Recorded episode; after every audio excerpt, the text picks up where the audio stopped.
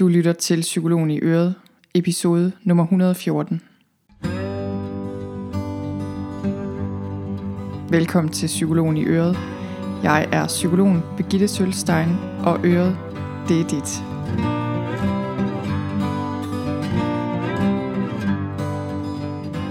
Velkommen til den her podcast episode, hvor jeg vil lære dig et beroligende åndedræt, som er rigtig godt at bruge ved sengetid – den øvelse, jeg vil vise dig her, den kan hjælpe dig med at falde i søvn. Både øh, falde nemmere i søvn, og også øh, hjælpe dit nervesystem ned i gear, så du forhåbentlig sover bedre og sover dybere natten igennem. Du kan også bruge den her øvelse, når du bare generelt har brug for ro i krop og sind, hvis du oplever stress eller angst. Og du kan også bruge den som en åndedrætsøvelse, du simpelthen laver på daglig basis for at træne dit fokus, træne dit lungekapacitet og træne mere ro ind i dit nervesystem. Det vil over tid have en rigtig god effekt på din krop. Så øh, jeg kommer til at sige lidt som introduktion til den her åndedrætsøvelse. Jeg kommer til at sige lidt om, hvorfor åndedrættet er godt at arbejde med, hvorfor det er rigtig godt at arbejde med kroppen i det hele taget, når man vil skabe ro i sindet. Jeg kommer til at sige lidt om øh, vagusnerven, som jeg tidligere har talt en helt masse om men, øh, men som jeg siger lidt mere om her, fordi den er vigtig at kende til. Jeg siger noget om den her øvelse, det beroligende åndedræt, og hvad du kan bruge den til, og jeg siger også noget om, når åndedrætsøvelser og andre øvelser i den her stil, vi bruger for at få mere ro i kroppen, når de virker mod hensigten, fordi det kan de godt gøre, hvis vi ikke passer på. Og så giver jeg dig altså en anvisning Øhm, og der er ligesom flere trin i det her åndedræt, og jeg giver dig en anvisning eller en guide til det beroligende åndedræt og viser dig, hvordan du kan gøre det på lidt forskellige måder og i lidt forskellige sværhedsgrader, alt efter hvor du begynder. Så siger jeg også lidt til dig, der mærker uro ved at kontrollere dit åndedræt på den her måde, fordi det er der nogen af os, der gør. Og så siger jeg lidt om øh, effekterne af den her øvelse, udover at den kan give en bedre søvn og lidt om, hvorfor det kan være vigtigt at gøre det her til en vane. Så det vil sige, jeg siger lidt nu, så laver vi åndedrætsøvelsen sammen. Jeg siger noget om, hvordan jeg vil anbefale dig, at du kan lave den derhjemme, hvordan, hvornår og hvorledes. Og så siger jeg lidt igen bagefter. Så altså, det er sådan, at mange af os har svært ved at sove, og man regner med, at klart, klart, klart den største årsag til søvnproblemer, det er stress. Tankemøller, et nervesystem, en krop, der er i for højt et gear, så vi simpelthen ikke kan falde til ro, når vi skal.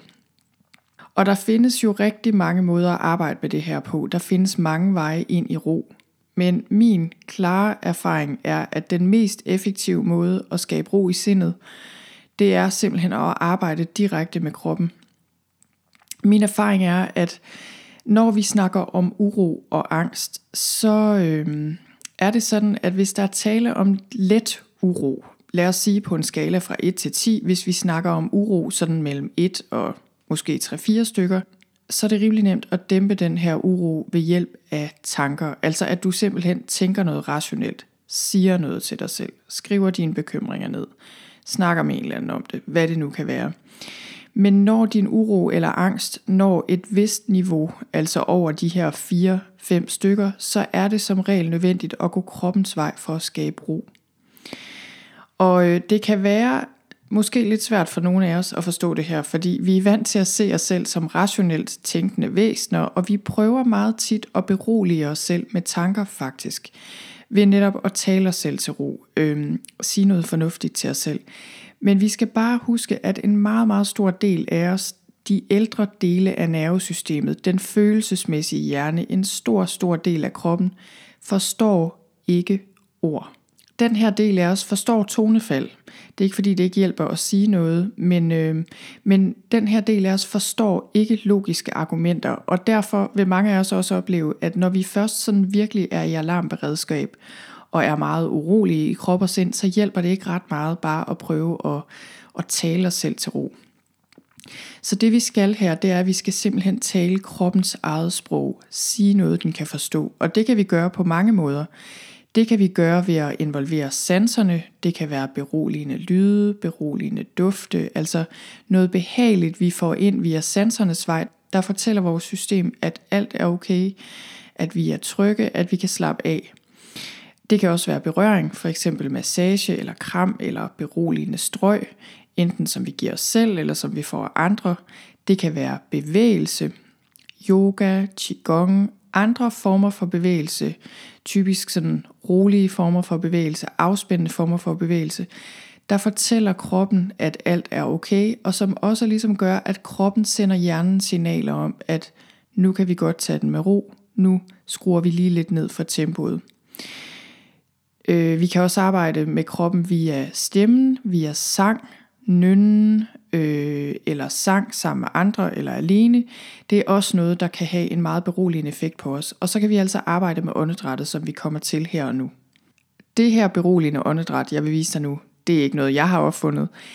Det øh, er noget, vi kender fra lang, lang, lang tid tilbage. I yogatraditionen har man pranayama, som er den del af traditionen, der handler om åndedrætsøvelser. Vi har dem også i den kinesiske tradition.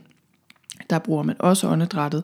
Så det her er jo noget, man øh, altid har vidst og altid har arbejdet med. Og åndedrættet, så ordet for åndedræt og det her med at trække vejret og så ånd eller sjæl, det er det samme eller minder om hinanden på mange sprog, og det er ikke et tilfælde.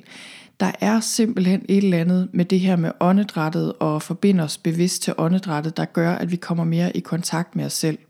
Så det vi skal nu, det er, at vi skal arbejde direkte med at berolige kroppen via åndedrættet.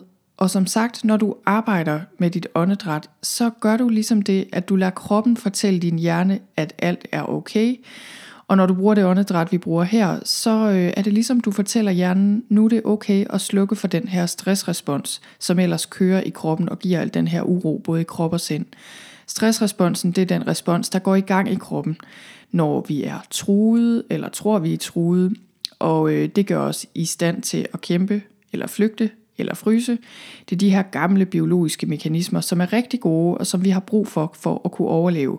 Men det er ikke så godt, når de kører for fuld hammer, når vi skal sove. Og en af de ting, der sker, når øh, den her stressrespons er på spil, når den kører mere eller mindre uafbrudt, når du har stress og angst i krop og sind, en af de ting, der sker, det er, at dit åndedræt bliver meget overfladisk. Så øh, du vil lægge mærke til, når du er stresset eller urolig, at du typisk har et meget sparsomt åndedræt, at du trækker vejret meget lidt. Et overfladisk åndedræt. Øhm, det er ikke altid, vi er bevidst om det her, men dit åndedræt afspejler altid din sindstilstand. Og typisk det, der sker, når vi er stressede, det er, at indåndingen er kraftigere eller længere end udåndingen. Og det svarer lidt til, at speederen sidder fast i dit nervesystem. Så dit nervesystem hænger fast i en stresstilstand, og det kan vi se på den måde, vi trækker vejret. Og det kan vi ligesom se i åndedrættet. Så når du er stresset, så arbejder den sympatiske del af dit nervesystem på at gøre dig klar til en udfordring, som jeg lige sagde. Og, øh, og det vil vi gerne have bremset, når vi skal sove, fordi vi vil egentlig bare gerne falde til ro og falde i søvn. Det vi kan gøre, når vi skal slippe speederen, som altså er den her stressrespons, og så til gengæld træde på bremsen i nervesystemet, det er, at vi kan ændre åndedrætsrytmen med vilje. Og når du med vilje ændrer din åndedrætsrytme til en rytme, der afspejler en afslappet og mere tryg tilstand, så kommunikerer du til hjernen, at nu kan du godt slappe af, der er ingen fare på færre. Og det betyder noget for dit nervesystem, det vil falde til ro. Det smitter simpelthen af på dit sind, og det vil så til gengæld have den effekt, at du får mere ro i kroppen, og så skaber du den her gode cirkel mellem krop og sind. Og jeg vil gerne lige nævne vagusnerven her, som øh, jeg har nævnt før, fordi den er vigtig. Vagusnerven kan du se lidt som en motorvej, der går fra kroppen til hjernen, hjernen til kroppen. Det er en two-way street. Kommunikationen går begge veje. Men det er som regel mere effektivt at lade kroppen kommunikere med hjernen via den her vagusnerve, fordi den vej, der går fra kroppen til hjernen, den er meget bredere end den, der går den anden vej. Man regner med, at øh, op mod 80% af vagusnervens kommunikation går fra kroppen til hjernen. Så det svarer til, at der går den her mega brede motorvej opad fra kroppen og til hjernen, og til gengæld går der sådan en lille smal sidevej ud til siden, som går den modsatte vej fra hjernen til kroppen. Og der, der er forskellige måder, kroppen og sindet arbejder sammen på. Det er ikke kun via vagusnerven, men det er den største af vores kranienerver, og den er rigtig, rigtig vigtig, fordi det er den her kæmpe store, lange nerve, der går ned gennem kroppen, fra hjernen ned gennem kroppen, og ligesom har forbindelse til alle de vigtige organer og alle mulige steder i hele overkroppen. Så den er meget, meget vigtig. Så vagusnerven spiller en meget vigtig rolle i det, der kaldes det parasympatiske del af det autonome nervesystem. Og parasympatisk aktivitet, som vi kalder det, det svarer simpelthen til at træde på bremsen i nervesystemet og skabe noget ro. Og når vi træder på bremsen, når vi aktiverer den parasympatiske del af det autonome nervesystem, så sker der det, at hjerterytmen bliver rolig, altså hjertet slår langsommere, fordøjelsen går i gang, som den skal, åndedrætsfrekvensen bliver langsommere, blodtrykket stabiliseres. Altså alle de her ting sker, som øh, bringer dig ind i den tilstand, en hviletilstand, som vi også kalder rest and digest. Altså vi hviler og vi fordøjer. Og det er den tilstand, vi gerne vil være i, når vi skal sove. Og det der er med det her, det er, at når du bruger det beroligende åndedræt, som jeg vil vise dig lige om lidt, så er det en meget enkel måde at stimulere vagusnerven på, og lade den fortælle hjernen, at nu kan du altså godt slappe af. Så det jeg vil gøre lige om lidt, det er at guide dig ind i forskellige faser af det her beroligende åndedræt. Og øh, jeg vil fortælle dig om et par forskellige måder, du kan gribe det an på. Fordi det er meget forskelligt, hvad der virker for hvem. Og det er rigtig, rigtig vigtigt, at du selv mærker efter, hvad der har den bedste effekt på dig. Jeg har det selv sådan, kan jeg fortælle, at øh, i perioder og til tider, så kan jeg rigtig godt lide de her former for åndedræt, altså det her kontrollerede åndedræt, hvor vi tæller åndedrættet og gør det på en bestemt måde. De her meget aktive former for åndedræt. Men jeg kan også mærke på min krop nogle gange, at, øh, at det ikke er det, jeg har brug for. At jeg har brug for at gøre noget andet, hvor jeg lærer åndedrættet passe sig selv, gøre noget helt andet eller laver sådan nogle mere spontane former for åndedrætsøvelser. Og øh, jeg kommer også til at dele noget, der hedder det spontane åndedræt med dig om øh, nogle episoder. På et eller andet tidspunkt kommer det også. Så det her, det er virkelig noget med lige at finde ud af, okay, hvor er jeg henne lige nu? Hvad har jeg brug for? Og så især at mærke, hvilken effekt har det her reelt set på mig. Så det jeg anbefaler, du kan gøre, det er, at du bruger det her beroligende åndedræt i 10 minutter, enten lige en sengetid, øh, inden du er gået i seng, eller når du ligger i sengen og skal sove. Du kan lave den her øvelse liggende. Det er vigtigt, at du ligger med lang og lige ryg, at din nakke ikke er for bøjet for eksempel, så at du, ikke, du må gerne have en hovedpude, men den må ikke være for høj. Så du skal have en nogenlunde lige nakke. Og, øh, og du kan også lave den her siddende, inden du går i seng. Og igen skal du bare sørge for, at overkroppen er lang og lige. Du sidder afslappet, men stadig ret op og ned. Det beroligende åndedræt, det handler i al sin enkelhed om at sørge for, at din udånding bliver længere end din indånding. Så det er den måde, du træder på bremsen på i dit nervesystem. Og det er vigtigt her, at du træner dit åndedræt gradvist, og, og det er vigtigt her, at du gradvist træner dit åndedræt og gradvist øger sværhedsgraden. Så det her er simpelthen noget, du kan øve dig i og du kan opbygge en kapacitet over tid til at kunne have længere og længere udåndinger. Men hvis du forser det og prøver at gøre mere, end du reelt set kan, så vil det bare skabe mere stress i dit system. Så du kan sammenligne det her lidt med, at øh, hvis du kommer kørende hurtigt på motorvejen, og så du forsøger at bremse lige pludseligt med vold og magt, så er det ikke så godt. Det kan være farligt og ret så uhensigtsmæssigt. Det er bedre at bremse gradvist ned, og det gælder altså også dit åndedræt og dit stressniveau i det hele taget. Inden vi kommer videre til selve åndedrættet, så vil jeg lige sige lidt om det her med, når åndedrætsøvelser virker modsat det, vi har tænkt os. Det her, det tror jeg er vigtigt at vide, fordi det er noget, øh, jeg ikke synes, vi snakker så meget om i forbindelse med åndedrætsøvelser, eller alle mulige andre øvelser, meditation, alle mulige andre øvelser, ting og sager, teknikker, vi prøver øh, at bruge, når vi gerne vil dæmpe angst og uro. Fordi det der er med det, det er, at hvis vi ikke er opmærksomme på det, så kan det have den stik modsatte effekt af, hvad vi gerne vil opnå. Det kan simpelthen give mere angst og uro. Det er sådan med angst og uro, at jo mere vi bekæmper det, og jo mere vi ligesom prøver at få det væk, jo mere er der en tendens til, at det bliver der, og at vi hænger fast i det. Man siger, what you resist will persist, og det er virkelig en meget stor sandhed, har jeg fundet ud af, når det gælder følelser og angst og uro og alt muligt i det hele taget.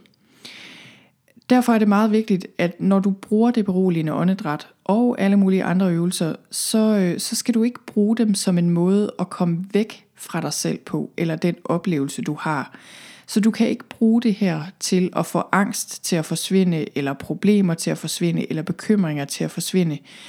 Øhm, du kan muligvis godt bruge det til at dæmpe mental aktivitet, og hvis dine bekymringer er overflødige, så vil de nok forsvinde.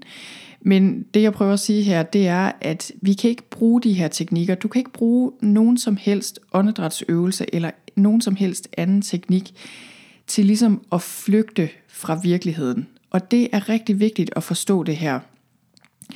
Så sådan som jeg ser det, så er det meget vigtigt, at vi accepterer angst og uro. For eksempel, nu er det det, vi snakker om lige nu, som en del af livet, og ikke noget, vi hverken kan eller skal fjerne med vold og magt.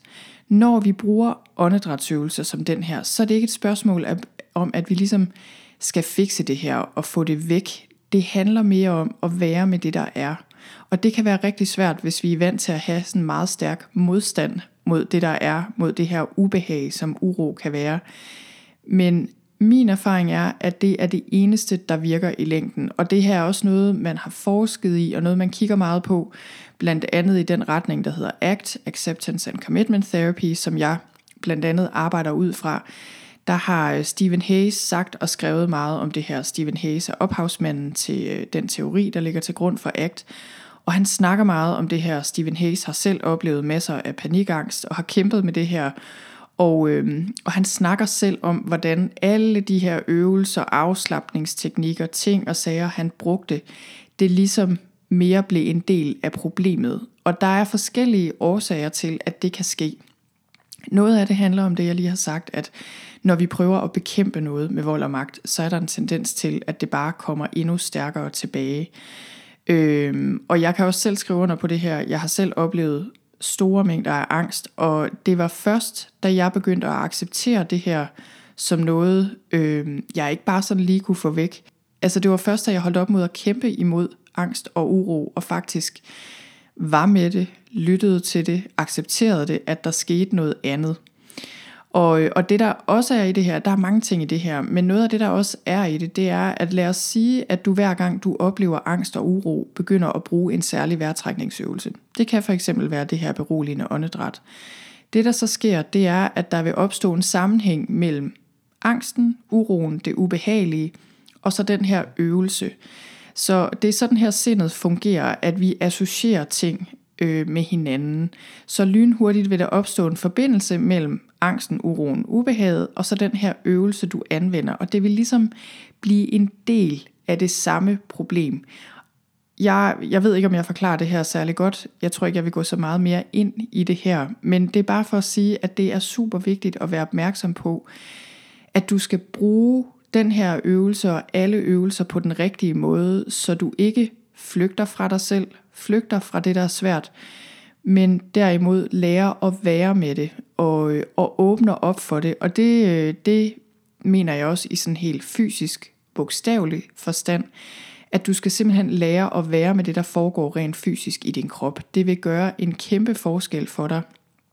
Øh, det er noget, jeg konstant arbejder på, både i min egen proces selvfølgelig, men jeg synes også, det er meget af det arbejde, jeg gør sammen med klienter, deltagere på min forløb, det er simpelthen det her med at lære at være med det, der er i kroppen uden modstand. Så er der bare en tendens til, at det enten forsvinder, eller forvandler sig, eller bliver mindre. Øh, så sker der bare noget andet, end når vi kæmper imod det. Så det var lige lidt om det her med, når tingene virker modsat hensigten. Og lad os så gå videre til selve åndedrættet, det beroligende åndedræt. Så øh, det jeg vil gøre her, det er, at jeg vil give dig en anvisning, en sådan lidt trinvis guide. Det første du skal gøre, det er som sagt sørge for, at du enten ligger afslappet, sørg for at have lang og lige ryg og nakke, eller sidder på samme måde. Og så skal du sørge for, at du slapper så godt af som muligt i kæben, og i hele ansigtet og i hele kroppen så vidt muligt. Og du skal begynde med bare at fordybe åndedrættet og trække vejret langsommere end normalt. Du skal ikke forsere noget her, men du skal bare sådan lige give slip og give dit åndedræt lov til bare at blive lidt langsommere og lidt dybere. Og uanset hvor du er lige nu, så tænker jeg bare, at du kan lave den her øvelse sammen med mig, også selvom du ikke ligger eller sidder, hvis du for eksempel går rundt, så er det okay lige at, øh, at lave den her øvelse. Hvis du kører bil eller laver noget andet, du skal koncentrere dig om, så kan det godt være, at du ikke skal lave den. Det skal du nok ikke. Men altså, første trin er det her med lige at, øh, at sørge for at slappe af i kæben, i kroppen, og sørge for bare at give slip på dit åndedræt og give det lov til at blive lidt dybere. Næste trin er valgfrit, men næste trin er, at du bruger havåndedrættet. Så nu siger jeg lidt om havåndedrættet, og du kan prøve det af, og du skal kun bruge havåndedrættet, hvis det giver dig ro. Det du også kan gøre, det er at starte med at lave den her åndedrætsøvelse uden havåndedrættet, venter til den, og så kan du gå tilbage og bruge havåndedrættet. Fordi det er noget, der fordyber dit åndedræt endnu mere, men det er en teknik, man lige skal have fat i, så, så det er også noget med, at det her er ikke noget, der skal stresse dig, fordi så virker det ikke. Så havåndedrættet, det finder du ved at åbne munden, stille og roligt give slip på kæben, og så ånder du ud på samme måde, som hvis du skulle ånde på et par solbriller for eksempel, for at puste dem. Så det lyder sådan her. Så munden er åben, kæben slapper af, og så skal du både ånde ind og ud på den her måde, så det prøver vi lige sammen lidt.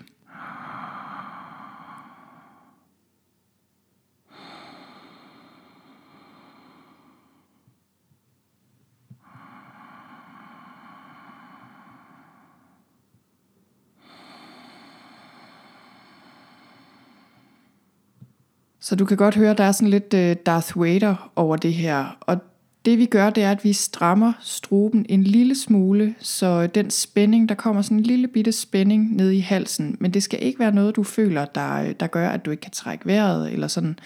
Du skal ikke forsere det her. Hvis du har dyrket meget yoga, så kender du sikkert det her åndedræt allerede. Hvis ikke, så kan du lige eksperimentere lidt med det. Og øh, prøv at se, om du kan gøre ind- og udånding nogenlunde ens. Altså de skal lyde nogenlunde ens. Og øh, når du så bliver øvet i det her, så kan du lukke munden, mens du gør det. Så det lyder sådan her. Nu gør jeg det først lige med åben mund, og så lukker jeg munden.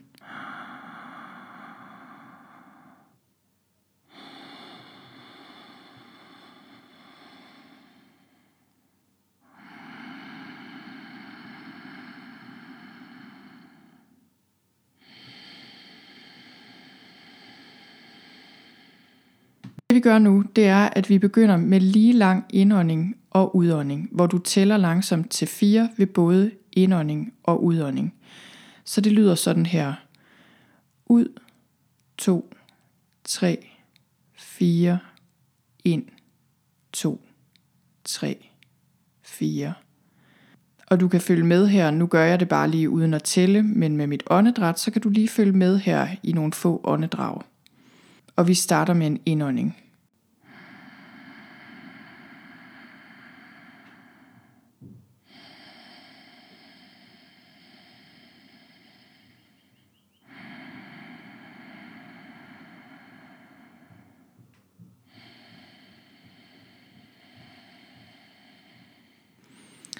Så er altså indånding og udånding nogenlunde lige langsomt, hvor du tæller langsomt til 4 ved både indånding og udånding. Når du har det godt med det, og kan mærke, at du kan slappe af med det, så går du videre og forlænger udåndingen. Så det du kan gøre, det er, at du for eksempel kan indånde på 4 og udånde på 6.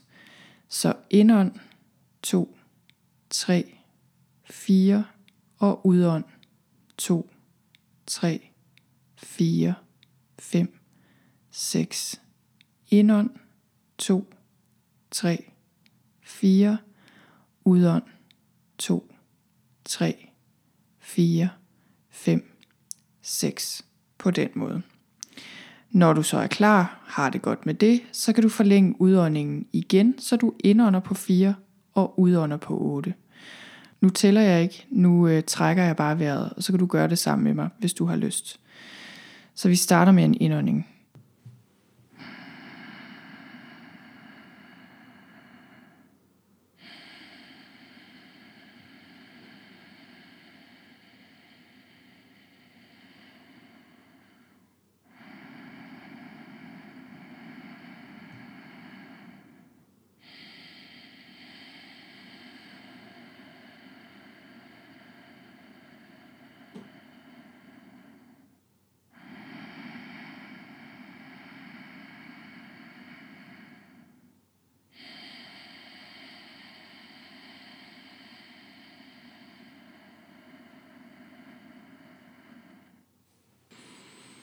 Så det, der er vigtigt, det er, at det er fint at udfordre dig selv lidt, men det er også vigtigt, at du ikke stresser dig selv. Så det vil du kunne mærke på, at du får uro i kroppen, og at du bare ligesom kan mærke, at det her stresser dig mere, end det giver ro. Men altså, det her var indånding på 4 og udånding på 8. Og nu går vi så videre til øh, den endelige version, kan man sige, eller den mest avancerede version, jeg i hvert fald kommer til at vise dig her. Her der holder vi også vejret mellem ind- og udånding, så det vi gør, det er, at vi trækker vejret ind på 4, hold vejret, mens du tæller til 7, og udånd på 8. Og der er ikke den store pause mellem ud- og indånding, så pausen og der, hvor vi holder vejret, det er altså mellem ind- og udånding. Og det gør vi lige 4-5 gange sammen.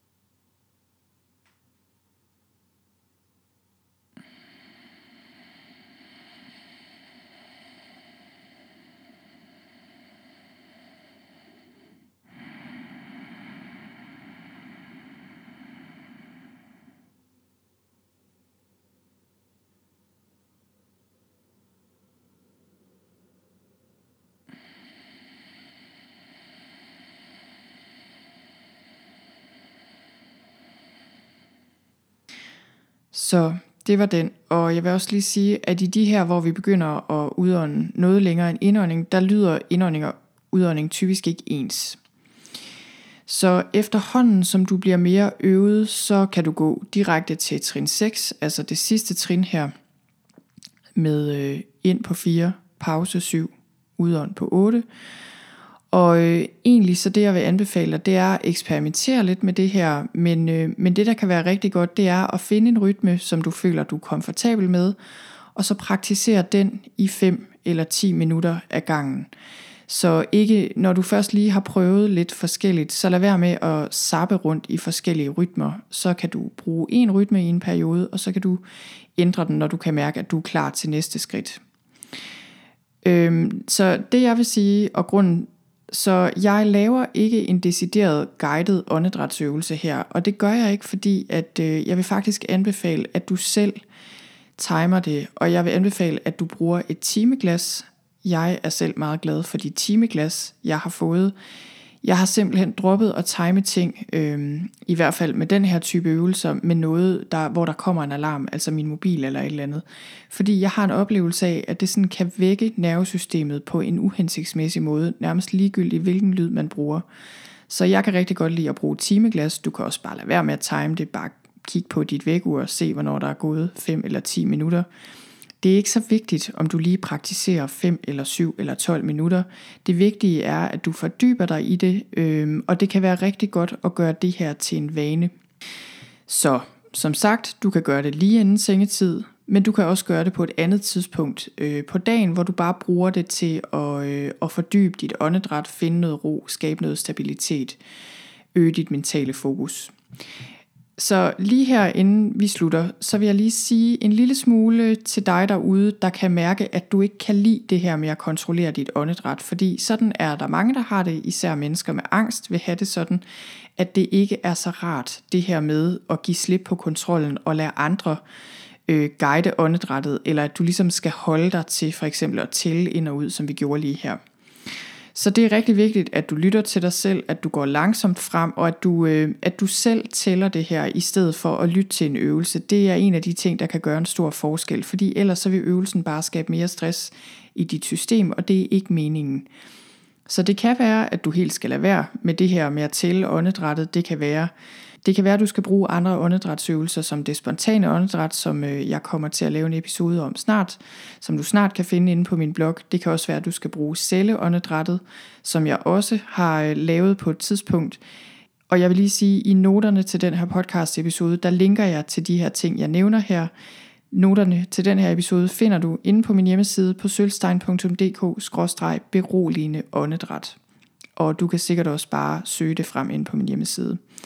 Lige inden jeg smutter her, så, øh, så vil jeg lige sige, at den her øvelse, den har rigtig mange gavnlige effekter. Nu bruger vi det her som et beroligende middel, som noget du kan bruge til at sove på. Det er den rigtig god til. Jeg havde selv en periode her for ikke så længe siden, øh, hvor jeg kunne mærke, at jeg havde mere uro i mit system, og faktisk havde lidt svært ved at falde i søvn, og også vågnede om natten og bekymrede mig. Det var sådan lige starten af hele den her coronakrise, hvor jeg stadig så lidt for mange nyheder, og tænker jeg, så mange andre reagerede på det her. Så begyndte jeg at bruge den her øvelse, og jeg synes, det hjalp mig med det samme. Så det kan du bruge den til. Men den er god til mange andre ting. Den øger din evne til fokuseret opmærksomhed – den øger din lungekapacitet, den giver mere frisk luft til musklerne, til hjernen, det er en rigtig god ting. Den øger din kropskontakt, den giver dig ligesom bedre kontakt med din krop og dermed også dine følelser, og det er også en rigtig god ting. Den styrker immunforsvaret, det har noget at gøre med, at, øh, at når du slapper mere af i kroppen, så bliver dit immunforsvar bedre. Og i det hele taget, så er det sådan, at alle stressrelaterede lidelser, både alle fysiske lidelser, alle psykologiske problemer, som er stressrelaterede. Og det er i virkeligheden mange, mange, mange forskellige problematikker. De enten forsvinder eller mindskes, når vi, øh, når vi bruger for eksempel den her åndedrætsøvelse eller andre øvelser, der bringer systemet i ro på jævnlig basis. Og det er fordi, øh, at kroppens og sindets selvhelende egenskaber, altså kroppens og sindets evne til at regulere sig selv, øh, den aktiveres, når kroppen er i ro, når sindet er i ro. Så der er mange gode grunde til at bruge den her åndedrætsøvelse. Og som sagt, den her øvelse vil skabe umiddelbar ro, og det er noget, du kan bruge akut, som noget, der kan give dig noget ro, men, men det er virkelig også noget, som kan give dig noget, hvis du praktiserer det jævnligt over tid. Jeg ser det lidt som at sætte penge i banken og få renters rente. Hvis du nogensinde har set sådan en kurve over, hvor meget penge vokser over tid, når du bliver ved med at sætte penge i banken og få renters rente, man bliver altid meget overrasket over, hvor meget det bliver til i længden. Det er præcis det samme med åndedrættet og også andre øvelser i den her stil. Det kan være, du tænker til dagligt, det har jeg ikke tid til, det er ikke så vigtigt, jeg har ikke ro til lige at træne mit åndedræt. Det betyder ikke så meget, jeg kan alligevel ikke rigtig mærke nogen effekt, det gør ikke nogen forskel, men hvis du over uger og måneder og måske endda år gør det til en daglig vane at arbejde med dit åndedræt, så vil der komme den dag, hvor du kan se, at det gør en verden til forskel, hvor det har gjort dig meget mere modstandsdygtig både i krop og sind. Og når du så har brug for at trække på de her ressourcer, hvis du bliver syg, hvis der sker et eller andet, så har du bare en øh, styrke og en stabilitet i dit nervesystem, som, øh, som du ikke ville have haft, hvis du ikke havde sat til side på den her måde og, øh, og skabt det her fundament over tid. Så øh, jeg håber, at du kan bruge det her til noget. Jeg håber, at du vil prøve det beroligende åndedræt af. Gør det til en vane. Som sagt, du kan gå ind på noterne på min hjemmeside, sølvstein.dk-beroligende åndedræt. Og der har jeg også beskrevet øh, den her øvelse, det her beroligende åndedræt på skrift, så du kan se den her trinvise guide. Og så vil jeg ellers bare sige, jeg håber, du kunne bruge det her til noget. Jeg håber, du vil praktisere det beroligende åndedræt og at du kan mærke effekten. Og så vil jeg ellers bare sige tusind tak, fordi du lyttede med.